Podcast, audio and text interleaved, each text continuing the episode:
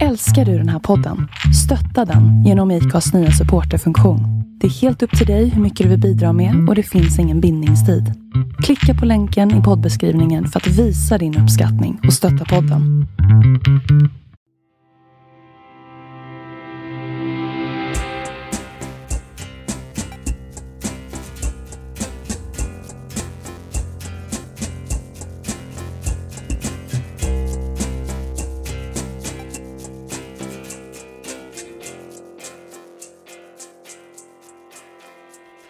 Hej och varmt välkommen till Andreas och Viktor förklarar politik. Och hej Andreas som sitter i Paris. Ja, hej Viktor. Ja, vi spelar in det här på distans. Och vad, vad gör du i Paris egentligen? Ja, vad är Paris? Jo, men det är ju så här. Eh, unga Europeer har kongress och Unga Europeer är en federalistisk, europeisk federalistisk eh, organisation som driver för ett eh, United States of Europe. Eh, Förenta Staternas Europa. Ja, och du är medlem där så Ja, exakt. bestämt dig för att åka till Paris för deras kongress. Medan jag själv sitter i mitt, ja, mitt kök hemma och spelar in det här. Okej, ja. Ja, eh, vad är det vi... En bra eh, vecka. Jo, eh, jag har ju varit ute och åkt lite. Jag börjar den här veckan på andra sidan jordklotet. Så det är väl lite det vi ska prata om idag också. Eh, Mm, just det. Just det.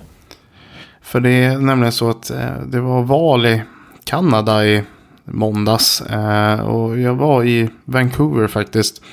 För att just, Just kolla hur det här valet gick till och lära mig lite och Mm. prata med lite folk och se om det är några goda idéer vi kan ta med oss hem till Sverige. Så ja, i måndags och fram till tisdag så var jag i Kanada. Mm. Kul, kul. Ja, det intressant? Det var väldigt intressant. Tyvärr blev jag lite sjuk också. Så, Ja, ehm, ja, det händer ju tyvärr ibland. Det, det, det händer ju, men eh, vi får... Eh, jag fick hålla till godo med de dagarna jobb jag fick gjort ändå. Mm. Eh, man ska väl säga att eh, det, det var en väldigt jobbig förkylning. Det var lite värre än vad man brukar, men det blir lätt så när man sitter instängd i ett flygplan i Ja. en halvt dygn ungefär. Och, Bakterierna från alla, alla flyger runt där inne. Så. Eh, men jag tog mig som sagt till Vancouver för att eh, kolla in det kanadensiska valet. Och det är också ämnet för podden den här veckan. Mm. Eh, Hur gick det i kanadensiska federala valet? Ett väldigt udda ämne. Eh, Kanske för en svensk podcast. Men varför inte? Det är ändå ett G7-land. Eh, Mm, ett land som är väldigt likt Sverige. Så det finns ju många likheter. Både i liksom, eh, Kultur. synen på demokrati, synen på eh, staten kanske. Mm. Eh, Ja, de är ju väldigt... Kanada är ju liksom ett nordligt land med social välfärd och så Mm. vidare. Och Jo. anses vara rätt Mm. eh, fritt. jo, precis. De är ganska ol, eh, lik till sin granne. Liksom. De är, de Sin är södra granne. Södra granne USA. De är... De eh, har en... Även de är där samma... Inte samma historia, det har de inte, men eh, ändå ja, samma delar, hela, en ganska lång... Ja, den enda grannen de har att dela gräns med, ja, undantag Grönland då. Eh, Mm. De delar med Danmark. Eh, men eh, ja, det är, det är lite speciellt att de, att de har, har sån olika kultur. Vad, vad skulle du säga, vad- bara snabbt prata lite om det, vad tror du, vad tror du det beror på? Ja, men det, det här med om man går tillbaka till... Båda var ju liksom brittiska kolonier. Mm. Eh, med undantag för Quebec. Men man skulle väl kunna säga så här att i de välmående delarna som var de 13 kolonierna som bröt sig ur eh, och bildade USA så var det man var så långt ifrån Storbritannien som möjligt. Eh, man var hyfsat ekonomiskt välmående och eh, hade sin egen ekonomi. Man var liksom inte beroende av eh, den brittiska ekonomin. Eller Mm, det. den brittiska staten. Medan i eh, Quebec som nyligen hade blivit erövrat av engelsmännen så ville man ju då inte... Man hade det bättre hos engelsmännen än man hade det hos amerikanerna, ansåg man med det franska språket och så vidare. Och Frankrike eh, var inte så intresserat av att ta tillbaka territoriet. Så man var hellre kvar hos britterna. Man hade väldigt bra villkor där. Och det här, kommer vi, det här speglar sig ända in i dagens Kanada och det politiska klimatet där. Så vi kommer ju prata mer om Quebec i dagens avsnitt. Medan Newfoundland och de territorierna där, Nova Scotia. Det var så nära du kunde komma Storbritannien.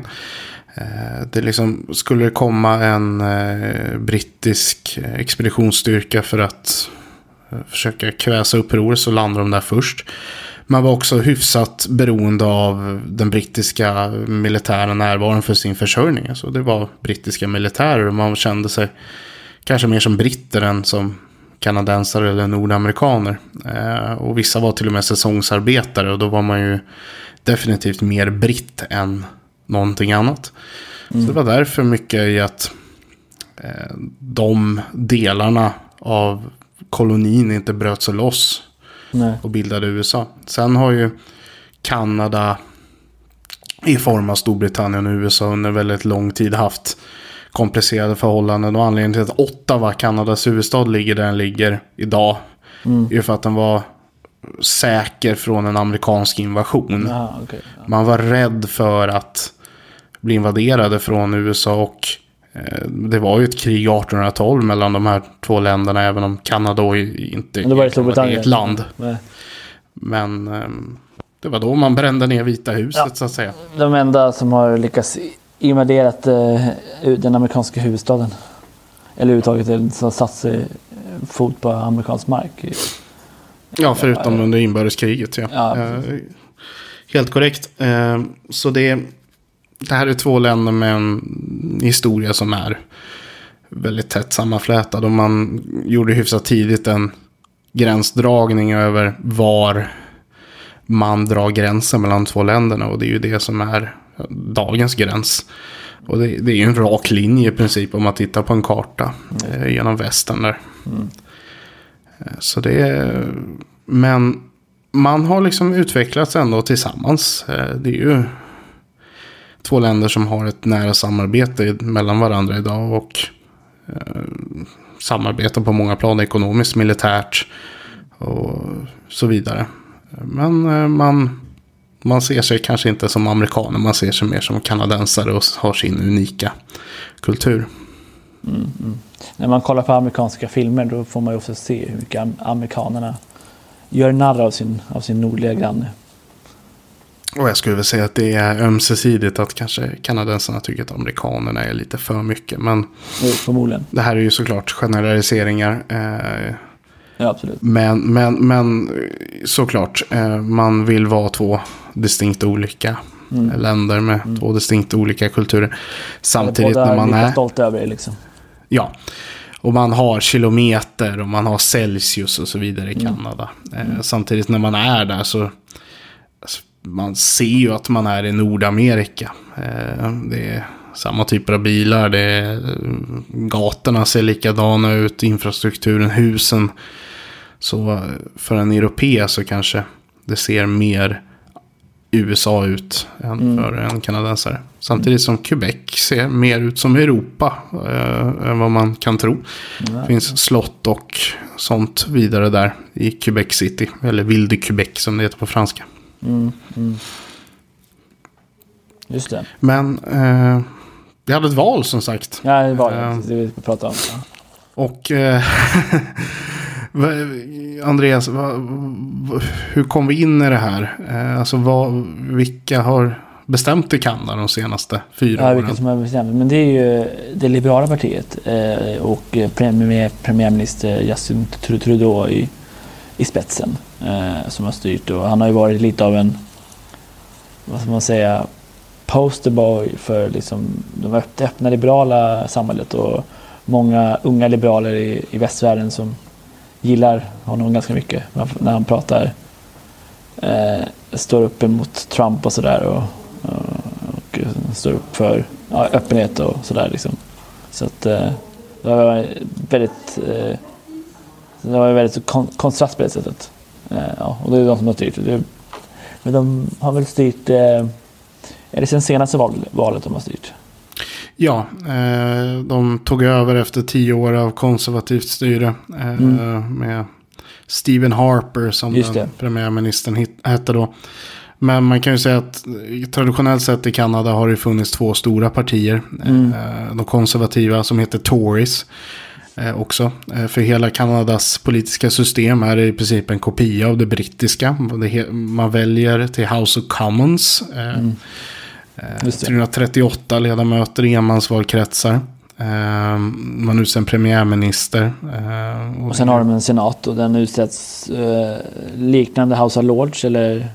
Ja, alltså deras senat på 105 ledamöter som tillfälligt kan ökas. Väldigt komplicerat. Men den utses i praktiken av premiärministern. Eh, de har ju en generalguvernör som är ställföreträdande för drottning Elisabeth. Mm. Som är så att säga statschef. Eh, men eh, det är ju premiärministern som har eh, mycket mer makt. eh, och mycket större makt. Och han utser ju, hittills har det varit han, han sena- senatorerna och så vidare. Och upplöser parlamentet om man vill och så vidare. Mm. Så det är väldigt likt det brittiska systemet och det är i princip en kopia av det. Ja, Eh, just det. och valsystemet funkar på liknande sätt. Eh, first by the post, alltså enmansvalkretsar där eh, man tävlar mellan sig. Och det är tre- 338 som jag nämnde. Mm. Eh, och man har, det är en skillnad mot Storbritannien. Man har faktiskt fyra åriga mandatperioder, inte Okej. femåriga. Och, och det har de, men hur är det? Får premiärministern kalla till nyval när han vill eller? Ja, eh, det kan han göra. Eh, och där är generalguvernören som upplöser parlamentet. Mm. På rådgivning av inget premiärministern? Ja, eh, men det finns ingen lag som i Storbritannien att man måste ha två tredjedelar av huset med sig för att kunna upplösa det.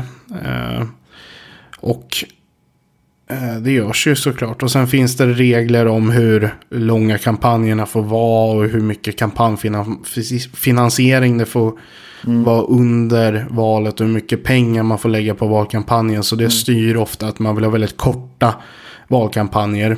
Eh, runt 37 dagar. Den här var på 40. Mm.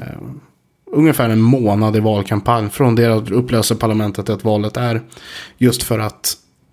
Annars blir det svårt att få pengarna att räcka till. För så fort man kallar till val så träder vissa kampanjfinansieringsrestriktioner in. Det där är ju så fascinerande jämfört med det svenska systemet. För I Sverige behöver de typ... Vi var ju höll, på, höll ju på diskussionen att det skulle bli extraval här i Sverige i, vintras för att vi inte kunde bilda en regering. Och, eh, och enligt svensk lag så har och behöver eh, myndigheterna tre månader på, nej, två månader på sig för att kunna förbereda ett extraval.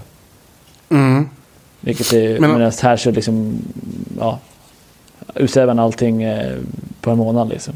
Ja, och i Danmark till exempel. Ja. Där är det ju ännu kortare Ja. valkampanjer. Där är det tre veckor väl ungefär. Man, en lång kampanj. Ja, Ehm, och det, det är ju... Visst, i Sverige har vi ett system där man ofta nästan ett år innan valet utser kandidaterna som Ja. ska eh, vara på valsedeln och man tar fram valplaner. Alltså det är en väldigt Mm. lång process i Sverige. Samtidigt beror ju det på att vi vet exakt vilket datum valet kommer vara. Nej, precis. Jo, absolut. Medan i, i länder som Danmark, Storbritannien, Kanada eh, vet man inte riktigt utan man är alltid beredd på att Ja, dra igång en valkampanj. ja. Och jag antar att de Sen, ju, sen, sen visst, antar att de ju närm- också eh, ja, eh, sina parlamentariker under tiden liksom, som pensionär. Så ibland så, så efter, eh, när man vet att det börjar närma sig eller att man vet att det kanske, kanske blir val snart, då, de, då ser man till att börja utse eh, kandidater i alla valkretsar. ja, exakt. Och man har liksom en kampanj redo att rulla ut alltid. Sen såklart, ju närmare man kommer det här datumet när man vet att nu måste parlamentet upplösas. Mm. Ju mer förberedd blir man ju på valet och vet att Mm. det antagligen sker det i, närtid till det datumet. Mm. Men, och det, det, var ju det som hände här. Alltså Trudeau lät ju mandatperioden gå till på dagen så länge den bara kunde vara. Mm. 21 eh, oktober var verkligen det sista datumet det kunde vara val. Mm. Och det valde han. Eh, ja, han hade ju ingen kan... anledning kände han väl att eh, kalla till innan liksom. Nej, och mycket av det kan vi göra. Men alltså den här Liberalerna, när de kom in i det här valet mm. 2014. Mm så var det för första gången i historien. Mm. Alltså sen 1800-talet man inte var antingen i regeringsställning eller var det officiella oppositionspartiet. För mm. återigen, som i Storbritannien så har man ett officiellt oppositionsparti. Ja, just det. Så de var inte var, näst störst alltså? Ens, de var inte näst störst. Det var The New Democrats, eller? Exakt, The New Democratic Party och mm. eh, NDP. Mm som är ett socialdemokratiskt parti. Mm. Eh, och de varierar hur stora de är genom årtionden. De har funnits rätt länge. Mm. Men det här var första gången de var liksom näst störst och var de som fick eh, mm. eh, vara den officiella oppositionen.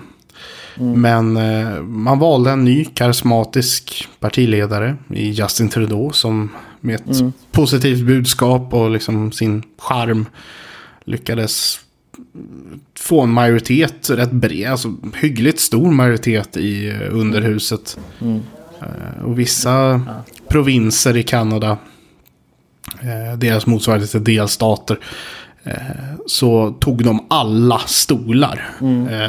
mycket på Atlantkusten, då tog man liksom alla möjliga platser. Mm. Och det var ju ett inte ett problem kanske i årets val, men det var ju liksom en tydlig utmaning att det är, har du alla stolar så är det väldigt svårt att upprepa den bedriften en gång till.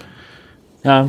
Mm. Eh, man kunde ju förlora 16 stolar och behålla sin majoritet i det här mm. valet. Och det lyckades man ju inte med. Nej, just det. Eh, både på grund av att eh, de konservativa ökade men även att separatistpartiet i Quebec, Bloc Québécois, mm. ökade en del. Mm. Just det. Ja, nej men det, det är intressant med Trudeau också är att han är inte den första i sin familj som har premiärministerposten. Nej, eh, han är ju den... Alltså hans pappa var ju premiärminister. Ja, Pierre eh, Trudeau, eller hur? Pierre Elliott Trudeau. Eh, han har ju till och med flygplatsen i Montreal uppkallad efter sig. Eh, han var ju en premiärminister då på 70-talet tror jag det var.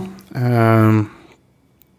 och i ärlighetens namn vet jag inte så mycket om vad som hände under hans premiärministerperiod. Men han är ändå gått till en av var de här ikoniska premiärministrarna i mm. kanadensisk historia. Och mycket av det kanske har att göra med också att hans son nu är premiärminister. Vilket är första gången det händer i kanadensisk historia. Att mm det är någon inom samma familj som har den ja, posten. Jag hörde därför att det var lite väldigt mer turbulens kring Quebec under hans premiärministertid.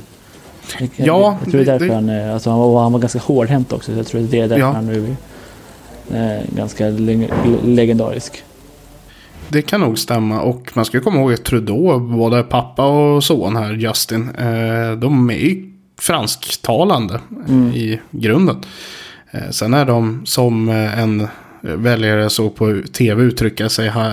Justin i alla fall är väldigt multikulturell. Mm. Eh, han, eh, alltså vissa i Quebec bryter på engelska. Eller bryter på franska snarare när de pratar engelska. Ja, just det. Eh, det är, vissa är så fast i det franska språket att man bryter. Mm. Men sen har jag också hört att eh, fransmän, riktiga fransmän också, de tycker quebeciskan är eh, ful. De tycker inte alls om att höra, höra den. Liksom. Det, ja, det är en falsk franska för dem.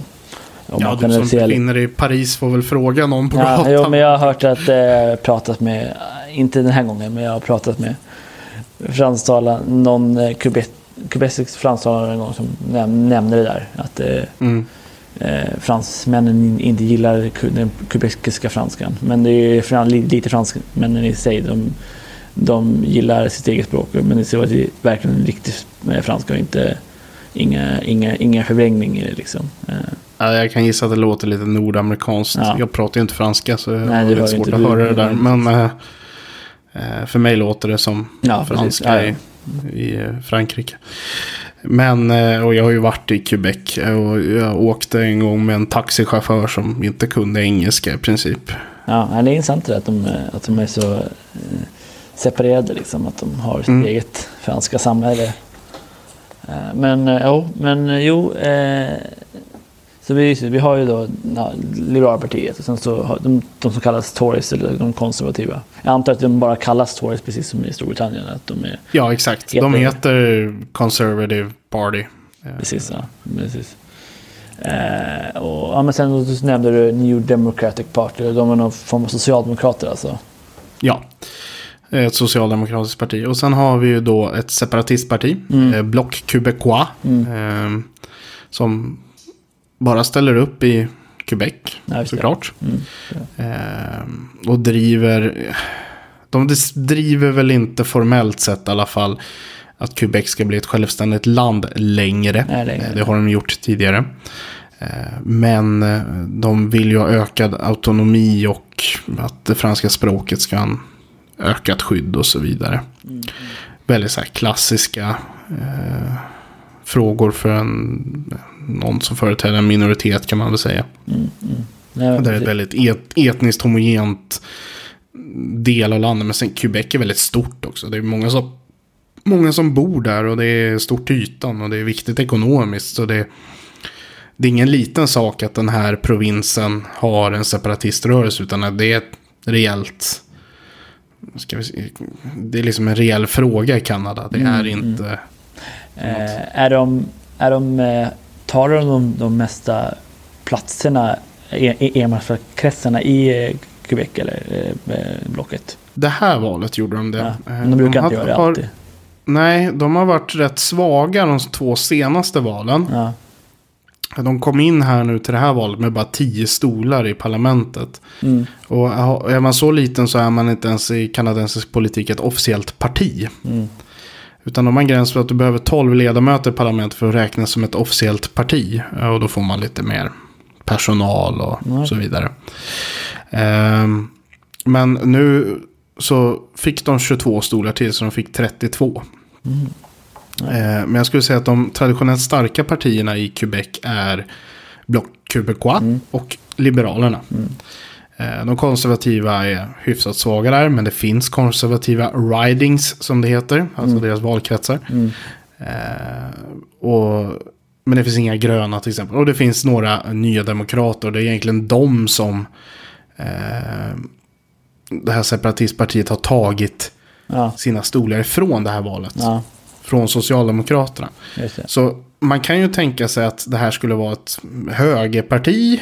Mm. Eh, men de är, alltså deras väljare är hyfsat vänster. Alltså de Mm. väljer mellan om de ska rösta socialdemokratiskt eller på blocket som man säger. Blocket, block Québécois.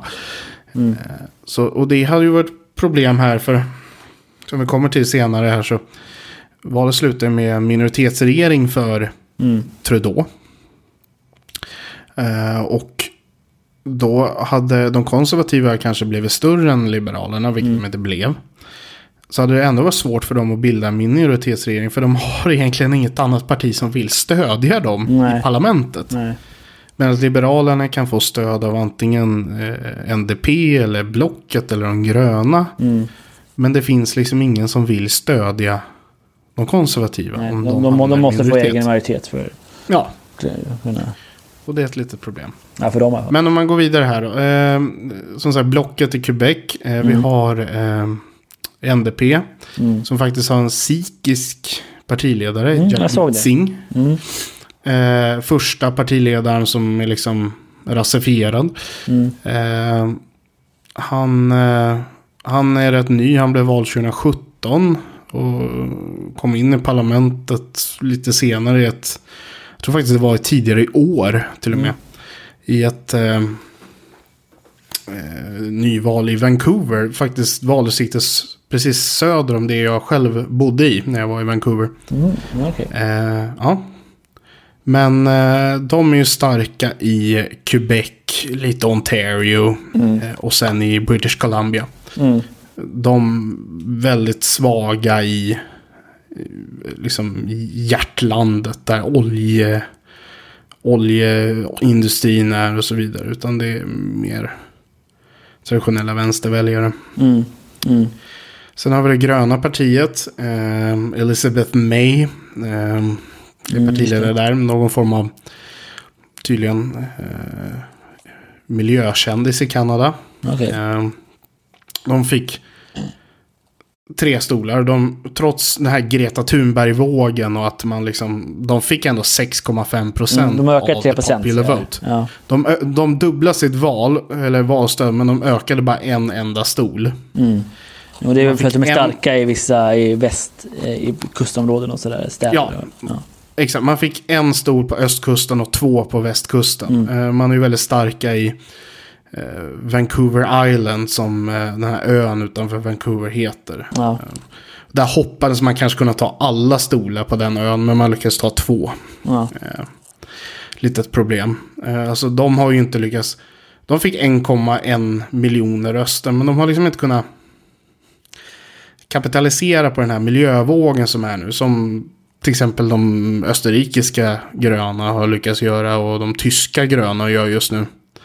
Utan man är fast i kanske lite samma problem som våra svenska miljöpartister. Att det liksom lossnar inte. Sen är det väl systemet i sig som gör det. Menar, Systemet i sig för att de gröna Såklart. är... De hade ju haft fler Ja. ledamöter om det hade varit eh, proportionella val. Förmodligen fler ju- väljare då också för att då hade fler, fler förmodligen röstat på Kanske. Det är svårt att säga men det, ja, nej, precis. Ja. Man är ju hälften så stora som de... Eh, eh, som de... Eh, som Socialdemokraterna. Mm. Men man har ju inte ens i närheten av hälften så många stolar. Nej, precis. precis. Nej. Och då, då, de, Fanns det och de får ju alltså inte ens vara ett officiellt eh, Officiellt parti. parti då. Nej, precis. Och sen fanns det ett eh, nybildat parti. Som hette People's Party of Canada. Mm. Eh, för när det var den här ledarstriden då i det konservativa partiet som Andrew Scheer eh, till slut lyckas vinna. Så förloraren, eller en av förlorarna är det Maxime Barnier. Eh, lite kul att han heter det om man kopplar till EU-politiken här. Mm. Där vi har en Barnier som är väldigt känd också. Ja, Hur som helst. Han, eh, han försökte bilda ett eget konserv liksom högerkonservativt parti. Mm. Och eh, han hade en stol då i Quebec. Men lyckades inte ens själv komma in i parlamentet. Och det kan man koppla mycket till det. För någonting jag lärde mig när jag pratade med folk i Kanada var att Alltså USA kan man ju tänka sig att man röstar mycket på personen. Det här är en bra kandidat, det här är en bra person. Och det spelar såklart in i Kanada också. Men mycket mer spelar in vilket parti man röstar på. Ja. Man röstar efter partiledare, man röstar efter federalt partiprogram. Mm. Och de här kandidaterna i de olika valdistrikten är liksom bara ett sätt att välja den regering man vill ha.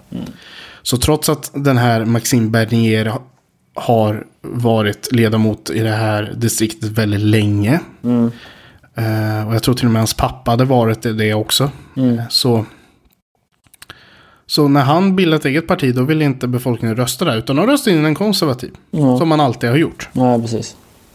Jo, men det, det, det är samma tendens, tendenser i Storbritannien också skulle jag säga. De flesta röstar ju på partiet och inte kandidaterna i, i valkretsarna heller. Eh, det är ju ganska att man röstar ju på Corbyn och Johnson och ja. Mm.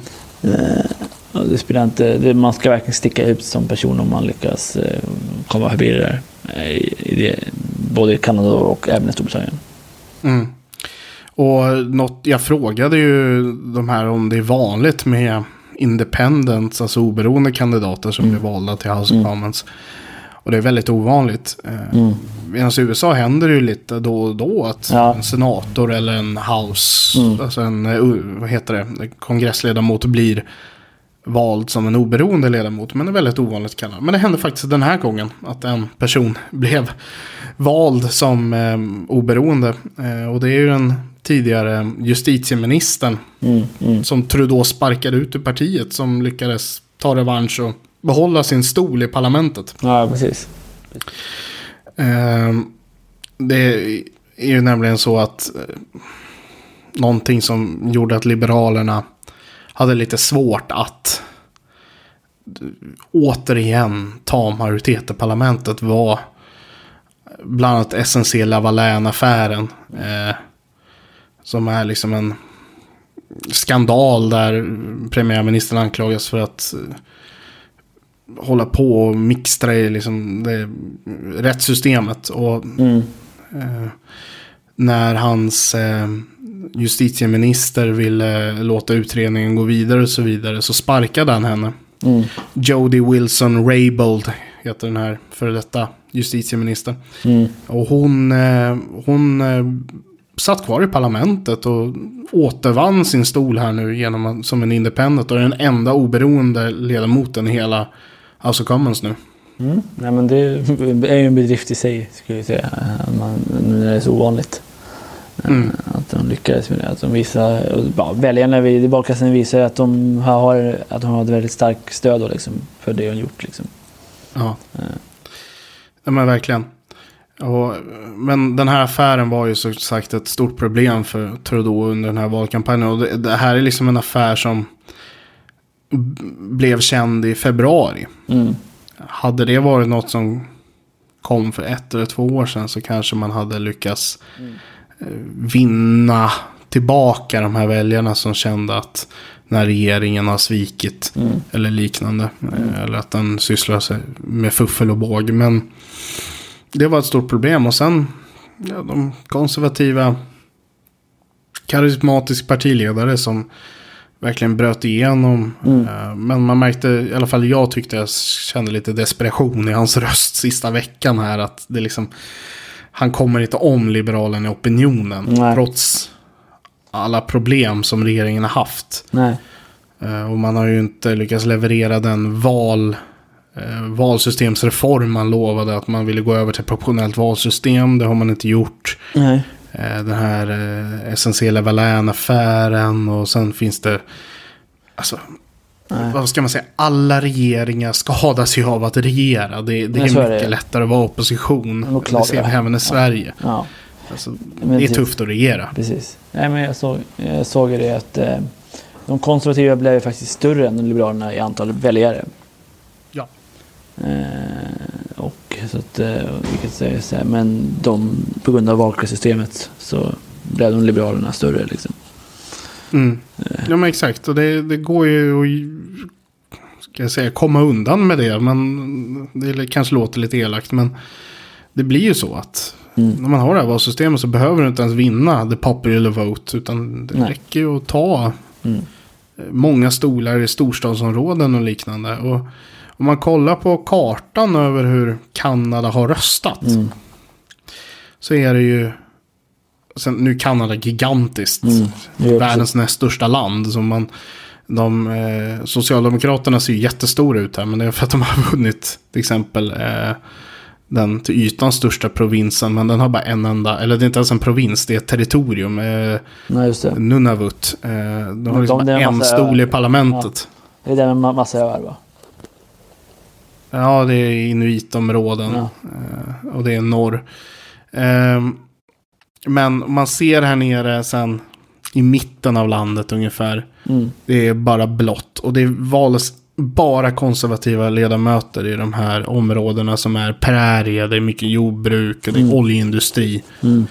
Eh, och en liberal väldigt känd parlamentsledamot och minister Ralph Goodale förlorar sin stol här. Mm. Och alltså, i media diskuterar man hur ska Trudeau nu lyckas Mm. Få ihop en regering. Men han, har inga, han kan ju inte välja några eh, parlament, eller ministrar från Mm. eh, mellan väst, eller från västern. Mm. Ja, de, precis, de är som, precis som i Storbritannien att de måste sitta i parlamentet. Ja. Så man eh, spekulerar att han skulle försöka ta någon från senaten att stoppa in i regeringen. Som representerar västern liksom. Mm. Ja, Så det, man pratar mycket om ett delat land. Och det liksom, Mm. Du har dels franskspråkiga, engelskspråkiga. Men sen har du det här väst, st- stad och land. Ja. det, det stad och land är, inte, det är inte Kanada ensam, ensam om om man ser valresultat i, hela väst, eh, västvärlden eh, de senaste tio åren. Nej, verkligen inte. Vi ser den här splittringen stad och land i Sverige. Vi ser den i USA. Eh, vi såg den i liksom, Brexit-omröstningen i Storbritannien. Eh, det, det, är verkligen en spricka som blir djupare och djupare ju mer... Kanske inte vill säga det här själv, men liksom som globaliseringen tuffar på så blir det fler och fler som känner sig lämnade bakom. Och det mm. måste ju politiken adressera på något sätt. Ja, precis. precis och lyckas lösa. Men eh, vad, det här med proportionerliga val, varför eh, vet du vad det var som gjorde att regeringen inte har lagt fram det? Eller har du bara... Det... Jag skulle väl säga så här att... Man lyckades inte få det genom parlamentet. Alltså man lyckades inte hitta ett system som gjorde alla nöjda. Mm, okay. eh, och man tillsatte en, eh, en parlamentarisk kommitté för att titta över det här med alla partierna inblandade. Mm. Eh, men i februari 2017 så liksom släppte Liberalerna eh, det här vallöftet själva. Man ville det inte längre. Okay. Eh, och man lyckas, alltså, mycket beroende på att man inte lyckas hitta en konsensus i den här kommittén för hur det här systemet skulle utformas. Mm. Alltså, jag förstår väl det att de två stora partierna, konservativa och liberala, de tjänar ju väldigt mycket på det här mm. systemet. Mm. Från att kanske ha, alltså, får du 38,5 procent av rösterna, mm. då får du majoritet i underhuset oftast. Mm. Ingen regering under 38,5 procent har lyckats få majoritet. Nej. Eh, men du har en god chans att få det om du kommer över det. Men mm. får du 38,5 procent i ett proportionerligt valsystem, då får du bara 38,5 procent av stolarna i parlamentet också. Precis. Det blir mycket svårare att bilda regering. Så är det, precis. Jo. Eh, och det tror jag är någonting som gör att de här två stora partierna inte egentligen det kanske var lättare för Liberalerna när man var det tredje största partiet att ha det här valet. Ja, ja precis. Eh, det där är ja, precis. Det är svårt att... Man är för det medan det gynnar en själv. Men när man, när man, eh, när man är en av de större, då, två stora, då känner man att man inte... Ja, men exakt. Och i Sverige så bytte vi till proportionellt valsystem i sam för att få igenom kvinnlig rösträtt. Mm. Det var liksom Moderaterna lyckades tvinga igenom det mm. för att gå med på kvinnlig rösträtt. Mm. Kan man ju ja, visst. Då var, det, precis, då var det Moderaterna som stod för den, den. Det var de som skulle gynnas. Medan Liberalerna och sossarna var de större partierna så de trodde att de skulle klara ja, sig bra. Eh, och hade vi behållit det systemet så antagligen Folkpartiet, Liberalerna eh, och alltså vad man nu om det ens hade hetat Nej. Liberalerna då. Och Socialdemokraterna har varit de två stora partierna antagligen. Äh, politik. I alla fall i, ja. Mycket längre än vad det var. Ja, kanske. Jag, jag vet inte. Men det känns som att Moderaterna hade nog lyckats komma i, det hade, hade nog hänt någonting där. Precis som det hände, hände någonting tror jag att de hade lyckats. Men det vet man men det är ju sån kontrafaktisk, det är en spekulativ. Ja, precis, kontrafaktisk analys och det är svårt att se. Det, det, det, kan vi prata med valexpert om någon gång. Ja, om vad de tror hade hänt om vi hade behållit enmansvalkretsar i Sverige. Ja, är, Men, och även diskutera vad som skulle hända om vi skulle införa det idag. Liksom. Eh, om, folk, ja. om folk skulle anpassa sig direkt. Vilket skulle leda till att typ, sossarna skulle ta varenda, eh, eh, inte varenda, men ganska stor del av eh, alla, alla kretsar. För de är, de är ju största partier nästan. Mm i alla valdistrikt idag. Fast vi har mycket mer valdistrikt än vad vi har ledamöter. Men, ja, men, men, stort antal partier hade fått lämna riksdagen. Ja, det är jag övertygad om. Eh, Liberalerna, Miljöpartiet, eh, Centern och KD hade klarat sig med några ja. enstaka ledamöter. Men eh, Precis, ja. Vänsterpartiet men det, det, det, beror helt, det beror helt på hur väljarna hade anpassat sig eh, också. Eh, direkt när man inför det. Liksom, om de fortfarande skulle rösta som de brukar göra eller om de hade... Om de hade eh, mm, mm. Ja, väljare brukar förstå det som ganska snabbt anpassa sig när system, när systemet, systemet förändras. Precis, ja. Mm. Ja, nej men så som det gick då i Kanada. Mm. Eh, Liberalerna fick 157 stolar mm. och man behöver 170 för att eh, bilda en majoritetsregering. Men eh, man blev då största minoritetsparti och har sagt att man eh, Mm. ska svära in sin nya regering den 20 november. Mm. När parlamentet har öppnat och sammankallats och så vidare. Och sen är det upp då till, alltså vad som antagligen lär hända är ju att eh, de konservativa lär eh, försöka utmana Justin Trudeau här med en missförtroendeomröstning i princip direkt. Mm. Eh, och min gissning är att han, Trudeau, överlever den. Ja. Eh, Men men att, om många... Nydemokraterna i alla fall framför kanske kommer att lägga ner sina röster. honom, ja. ja. Och På sen Quebec gör nog inte det, men eh, blocket.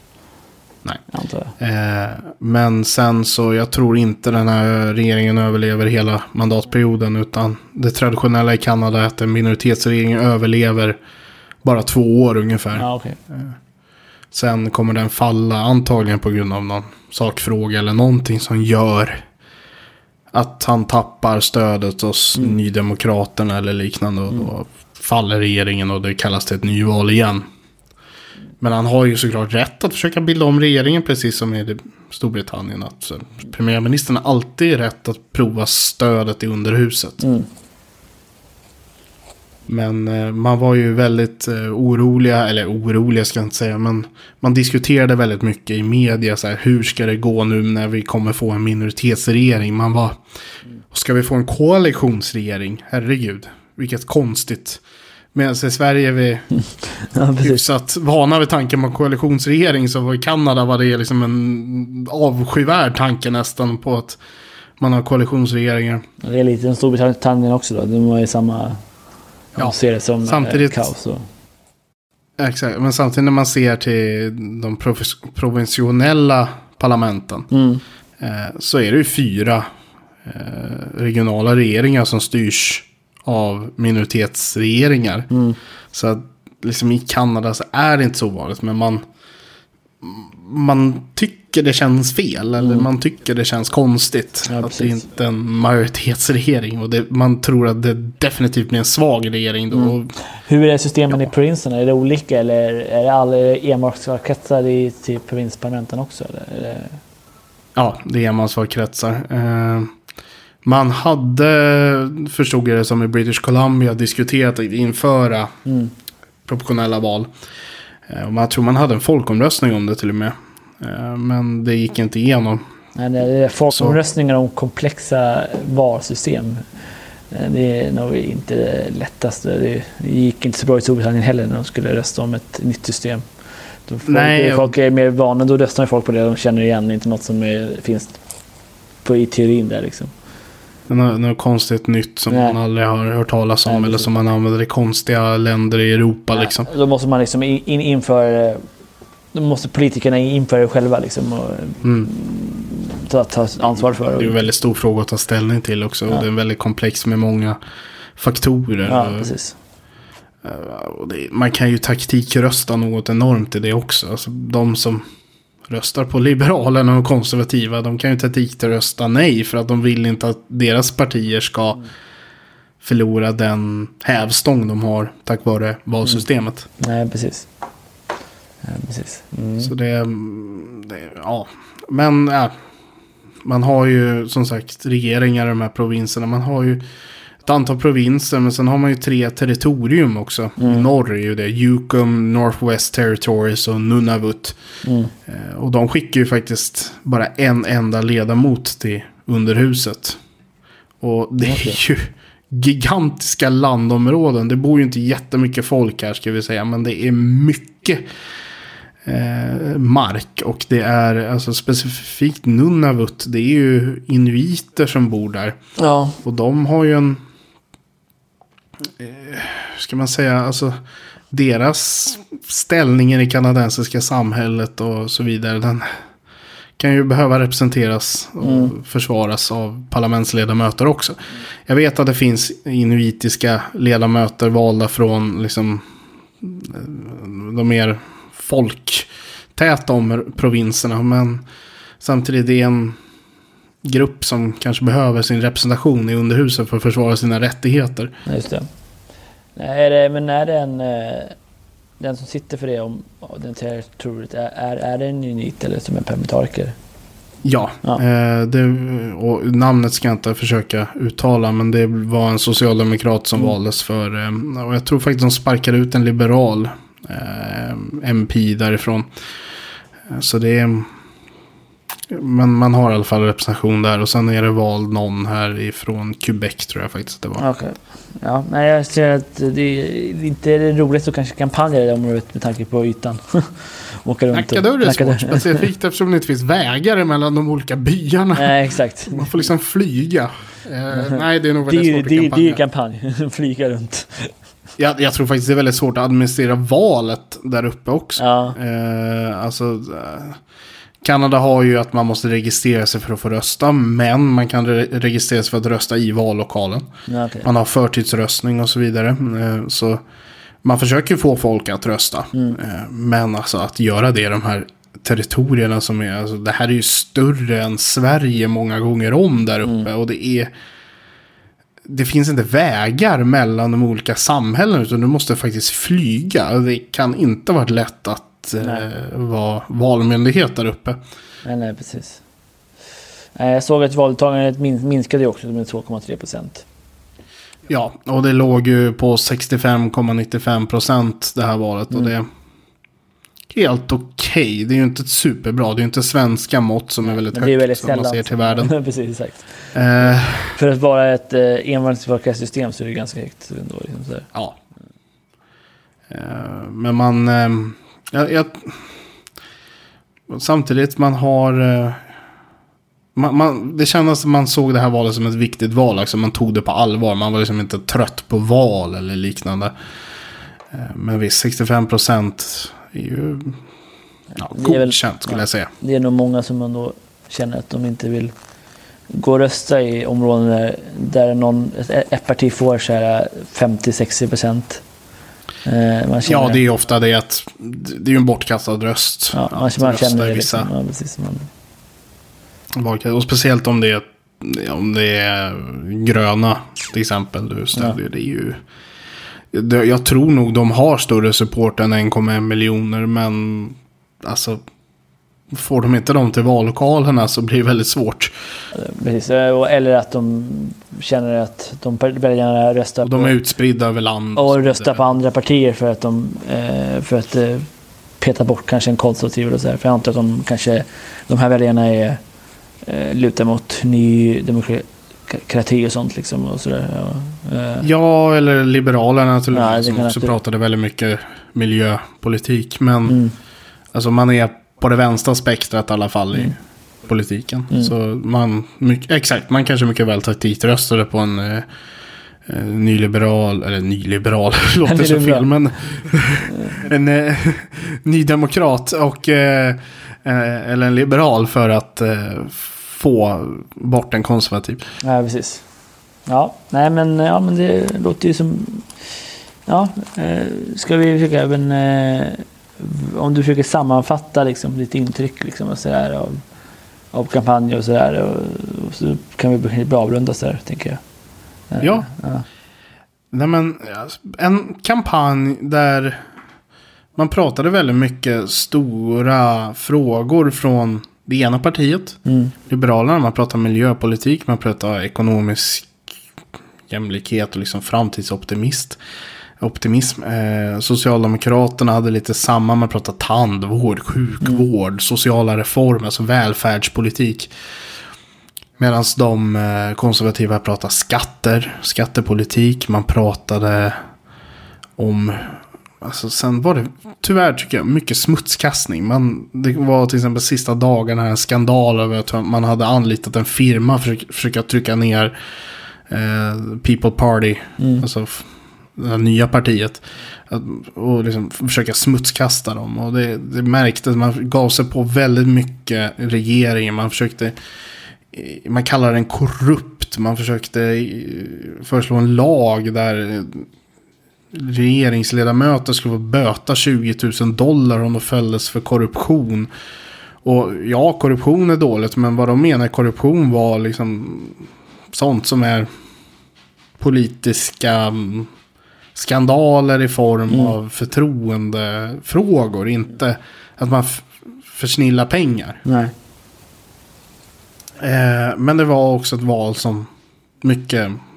Det här, ska det, vad ska det bli för regering? Ska det bli en majoritetsregering? Ska det bli en minoritetsregering? Mm. Hur ska landet styras? Mm.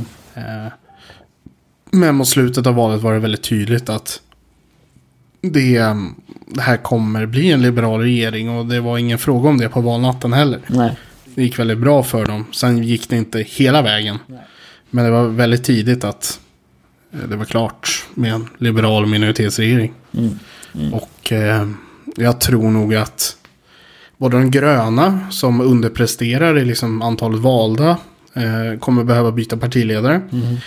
Får se om Andrew Scheer för de konservativa lyckas sitta kvar. Hans parti kanske kastar ut honom i Mm. värsta fall. Och sen eh, Jagmeet Singh där för Ny Dem- Nya Demokraterna. Han var ju väldigt populär och jag trodde faktiskt skulle gå bättre för dem. Jag Mm. trodde de hade en, någonting på gång. Men där, de stoppades mycket av Bloc Québécois som liksom kom igång igen i Mm. Quebec. Ja. Och lyckades, man pratar om rise of the block. Ja. Så de, de spelar väl ut varandra lite. Mm. Mm. Ja, intressant. Men en intressant valkampanj. Men, eh, och ett viktigt land att hålla koll på tycker jag ändå. Även om det ofta Ja, det är ganska mycket skugga faktiskt. Eh, det- Ja, Ja. Deras södra granne tar allt, Ja, exakt. allt De är ljus inte, i. ja, precis, de är inte tillräckligt eh, eh, spekul, spekul, spekulära. Liksom. De, är, de, de är för lika i Europa för att vara intressanta att lyssna på. Kanske det. Precis. Mm. Ja, men eh, ja, det lät intressant, tycker jag. Eh, eh, ja. Ja, nej, men jag hoppas att alla har åtminstone fått lära sig lite om Ja, kanadensisk politik. Och Ja. få höra vad man tycker om. Att man har liksom hittat någonting man tyckte var intressant i Mm. det här. Och att man har lärt sig lite. Och att man kanske vill eftersöka lite mer. Alltså börja på Wikipedia och läs på om Ja, valet. jag brukar det alltid läsa engelska eh, val, valsidorna på Wikipedia. För in, in Mm. på här valen. Nu, nej, Kanada har jag faktiskt inte läst eh, tidigare. Men eh, brukar, det är ganska mycket står där. Alla, både opinionsundersökningar och allting. Så, Ja, så att det, det skulle jag rekommendera om man är intresserad. Mm, nej, men Mm. verkligen. Men vi får väl tacka för att ni har lyssnat idag. Och ehm, för att ni orkade hänga med här. Och tack till dig som hängde med från Paris. Absolut. Det, det är ingen fara. Det var spännande. Ser lite annorlunda. Ja, det är- annorlunda sätt att spela in också. Nej, exakt. Det är Så är vi, ett ro- ett roligt nytt sätt att testa på. Hoppas att det blir bra ljud för lyssnarna. Ja, Andreas sitter med en vanlig så här, eh, vad heter det, headset Ja, som man har till mobilen. Så vi får hoppas att det funkar.